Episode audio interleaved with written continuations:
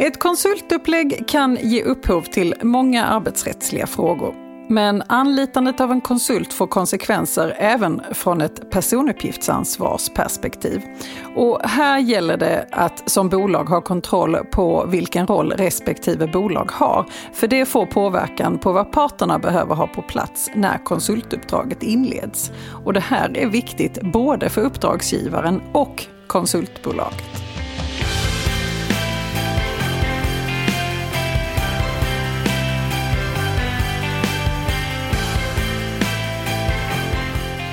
Hej och välkommen till Arbetsrättspodden. Podden för dig som verkar inom HR eller hanterar personalfrågor i din vardag.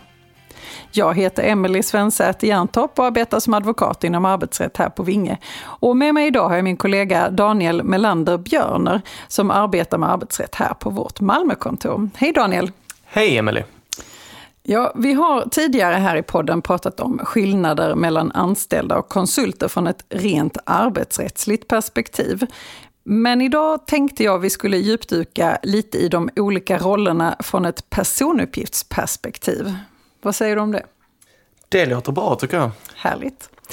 För det är ju så att personuppgiftsbehandling, det sker ju i princip i alla relationer, även i en konsultuppdragsgivarrelation.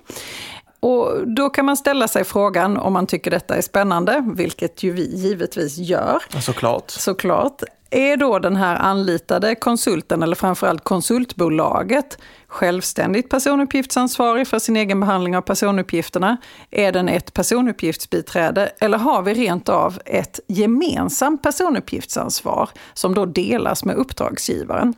Mm. Det är inte helt enkelt, eh, men jag tänker att vi ska försöka bena ut det under en liten stund här nu. Daniel, vad säger du? Hur, hur avgör man det här och kanske framförallt varför är det viktigt att veta det här?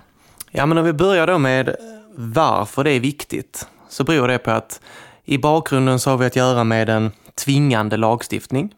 Och om man gör en felaktig inledande bedömning med detta eh, så kan man få fel avtal på plats. Och det leder till en risk för att man har en en försämrad säkerhet för personuppgifter och det kan i slutändan leda till att man får höga sanktionsavgifter från, eh, från IMY, alltså Integritetsskyddsmyndigheten. Så att om man har bättre kontroll då har man också en bättre säkerhet i det här fallet. Och det är ju egentligen grundläggande i all typ av personuppgiftsbehandling. Så det, det är en bra utgångspunkt. Absolut. Men eh, hur avgör man då det här? Ja, men det är inte en helt enkel fråga att besvara generellt, utan man får ju titta på förhållanden i det enskilda uppdraget. Ja, men vissa förhållanden är lätta att se om vi tittar till exempel på ett standardupplägg. Då är det bara till att sätta rätt dokumentation på plats. Andra situationer det kan vara betydligt svårare och då måste man gå in i detalj och titta på ja, men vilka personuppgifter är det som kommer att delas mellan parterna och för vilka ändamål? Det vill säga, alltså hur kommer behandlingarna att gå till? Men du nämnde innan Emelie att vi har lite olika roller som vi pratar om idag. Ska vi inte ta och redogöra lite för dem också? Jo, men det är nog en bra idé. För det här, det här behöver man hålla i huvudet när man tittar på det upplägget som man har tänkt sig. Vi nämnde ju att man kan vara personuppgiftsansvarig och en personuppgiftsansvarig är ju den som bestämmer ändamålen och medlen med någon typ av då behandling det vill säga hantering av personuppgifter, framförallt då när de finns i digital form. Så personuppgiftsansvarig kan man vara, men den i en eh, konsult och uppdragsgivarrelation så är det oftast uppdragsgivaren som är personuppgiftsansvarig. Så den, den rollen är inte så svår att hitta, men däremot så kan det vara så att det skiljer sig för Eh, konsultbolaget. Så konsultbolaget kan då ha eh, till exempel rollen som personuppgiftsbiträde. Och ett personuppgiftsbiträde, det är ju när man som bolag bara egentligen behandlar personuppgifterna enligt instruktioner och på uppdrag från den personuppgiftsansvarige. Så det, det, är biträdet. Sen så kan man då ha att eh, det här eh, konsultbolaget bara är självständigt personuppgiftsansvarig. Det vill säga att man, man egentligen man, man arbetar så självständigt med personuppgifterna att man egentligen inte bara svarar på, på instruktioner från, från uppdragsgivaren, utan man, man har en självständig behandling där man själv har egna ändamål och bestämmer över hur behandlingen faktiskt ser ut. Och sen slutligen eh, nämnde vi ju det också att det finns ju i vissa fall att man har ett gemensamt personuppgiftsansvar. Och det, det, det är egentligen gråzonen emellan. Det kanske är så att man inte riktigt kan skilja på vem exakt det är som bestämmer i relationen och då kan man hitta ett gemensamt ansvar. Och anledningen till att det är viktigt att man eh, har koll på de här olika ansvarsformerna är att det krävs olika typer av avtal på plats. Och de avtalen måste man ha på plats. Annars bryter man mot GDPR och det vill vi ju inte. Det vill man inte göra. Nej. Men okej, okay, då, har de här olika rollerna. Och när man, när man, om man tar in konsulter i sin verksamhet så kan det ske på lite olika sätt. Eh, och det påverkar då också hur rollerna kan se ut för att behandla personuppgifter. Om vi går igenom dem lite. Om ja, men det är en bra idé. Hur, vilka upplägg finns det och eh, hur skiljer de sig åt och vad är viktigt, viktigt att tänka på här? Mm. Men om vi börjar, eh, för återigen, det här är ju saker som, som, man absolut ska titta på från ett arbetsrättsligt perspektiv också. Men, men eh, om vi då tittar på det nu mer från ett personuppgiftsperspektiv. Så om vi börjar med den så kallat inbäddade konsulten. Den inbäddade konsulten? Ja. ja. Eh, det är ju då eh, en konsult som utför arbete egentligen då inbäddad hos uppdragsgivaren. Man arbetar kanske från uppdragsgivarens utrustning. Man arbetar under uppdragsgivarens arbetsledning. Mm. Och eh, vad säger du om det, bara kort från, som ett arbetsrättsligt perspektiv, Daniel? Ja, men då finns det ju vissa risker med det för att en konsult rent arbetsrättsligt kan vara att anse som en arbetstagare. Eh, vi har ju pratat om det i tidigare avsnitt så vi kanske ska lämna det åt sidan för idag och fokusera mer på personuppgiftsfrågorna. Men heads up om att det kan, vara, kan finnas en risk med den här inbäddade setupen med att eh, det kan bli både skatterättsliga och arbetsrättsliga konsekvenser där.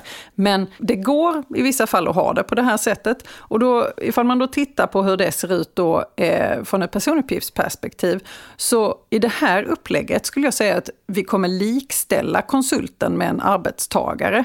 Eh, återigen personuppgiftsperspektiv. Eh, för då anses själva konsultbolaget, som ju då sannolikt inte får tillgång till några uppgifter överhuvudtaget, för mm. den här konsulten som är utsänd, den arbetar helt och hållet på arbetsplatsen och egentligen som vilken arbetstagare som helst. Och då anses faktiskt konsultbolaget varken vara ansvarigt eller biträde. Och då behöver man inte sätta någon särskild dokumentation på plats där. Det kan ju vara skönt. Ja, men finns det någonting, okej okay, ingen särskild dokumentation så sett, men finns det något annat vi kan skicka med som man ändå alltid bör tänka på? Känns som en ledande fråga Daniel, men absolut. Eh, det här tycker jag man ska definitivt såklart vara väldigt noga med att ha ett sekretessavtal på plats. Mm. Eh, det ska man ju såklart alltid ha. Eh, men också ska man inte glömma att ge konsulten tydliga instruktioner om hur personuppgifter ska behandlas. Egentligen samma instruktioner som du löpande ger dina egna anställda, men så att det finns på plats. Ja. Yes. Okej, det var den inbäddade konsulten. Mm. Om man då tittar på en, en mer självständig konsult, mm.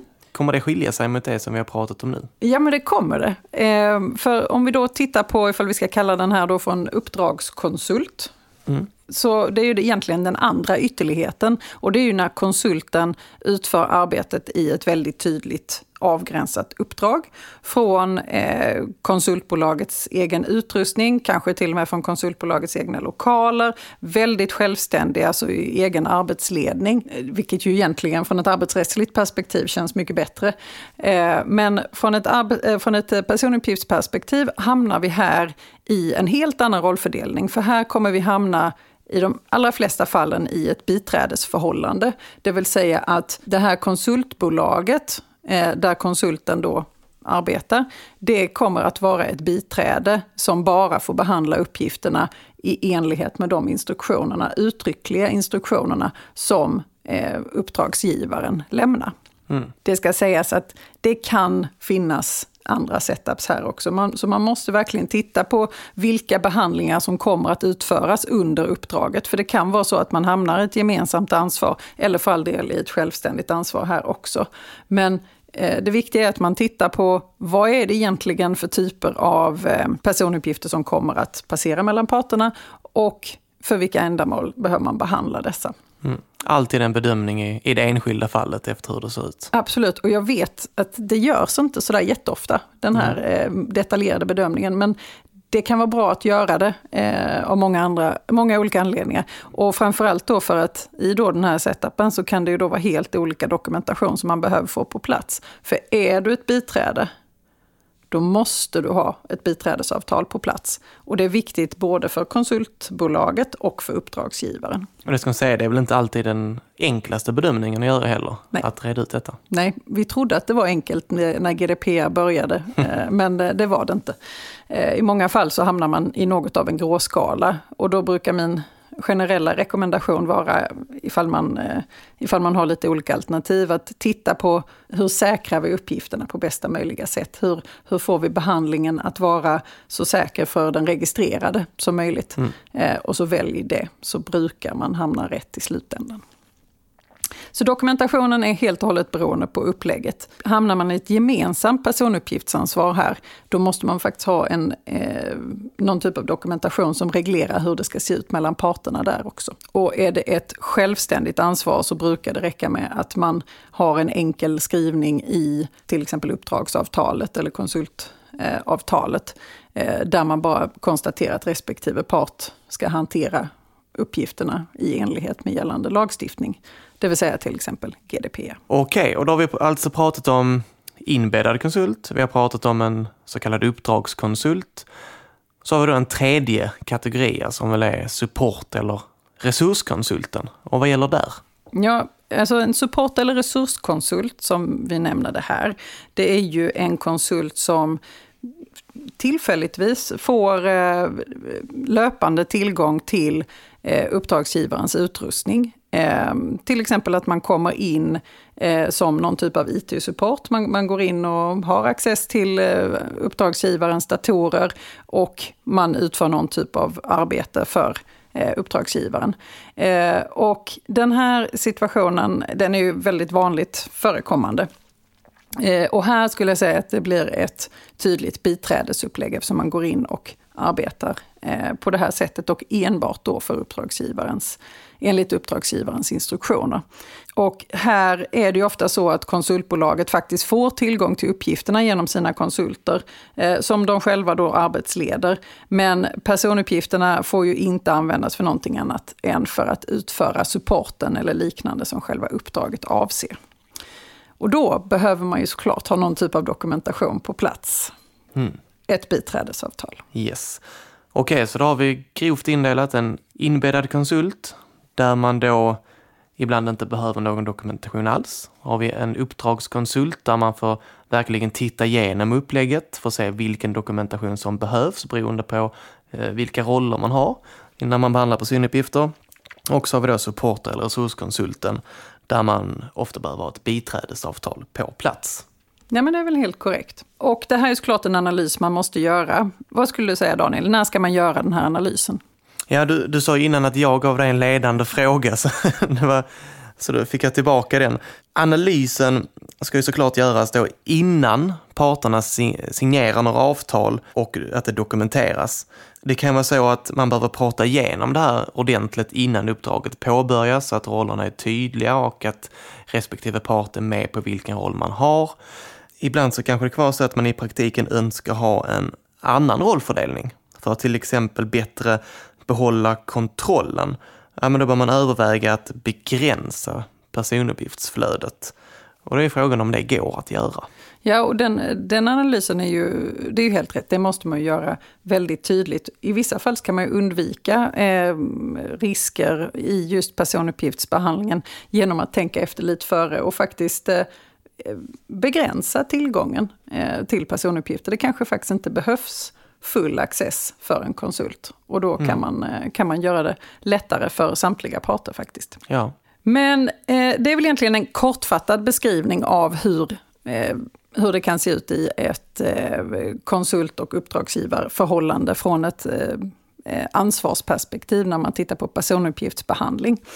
Eh, återigen, jag tror det viktiga man ska tänka på här är ju verkligen att man börjar i tid, som du säger här avslutningsvis, och gör analysen i god tid, gärna, eh, innan uppdraget påbörjas, så får man inga dumma och konstiga eh, mm. konsekvenser som man inte förväntade sig. Och det är extra viktigt att göra den analysen, särskilt eftersom det inte alltid är glasklart eh, från början hur det ser ut. Nej men det är precis. Tusen tack för detta Daniel, det var kul att prata med dig i detta. Tack själv, kul att vara med. Dagens gädda. Tänk på att den dokumentationen som eh, krävs behöver vara på plats redan innan personuppgiftsbehandlingen startar. Och det är viktigt både för uppdragsgivaren och för konsultbolaget för att respektive part ska uppfylla GDPR.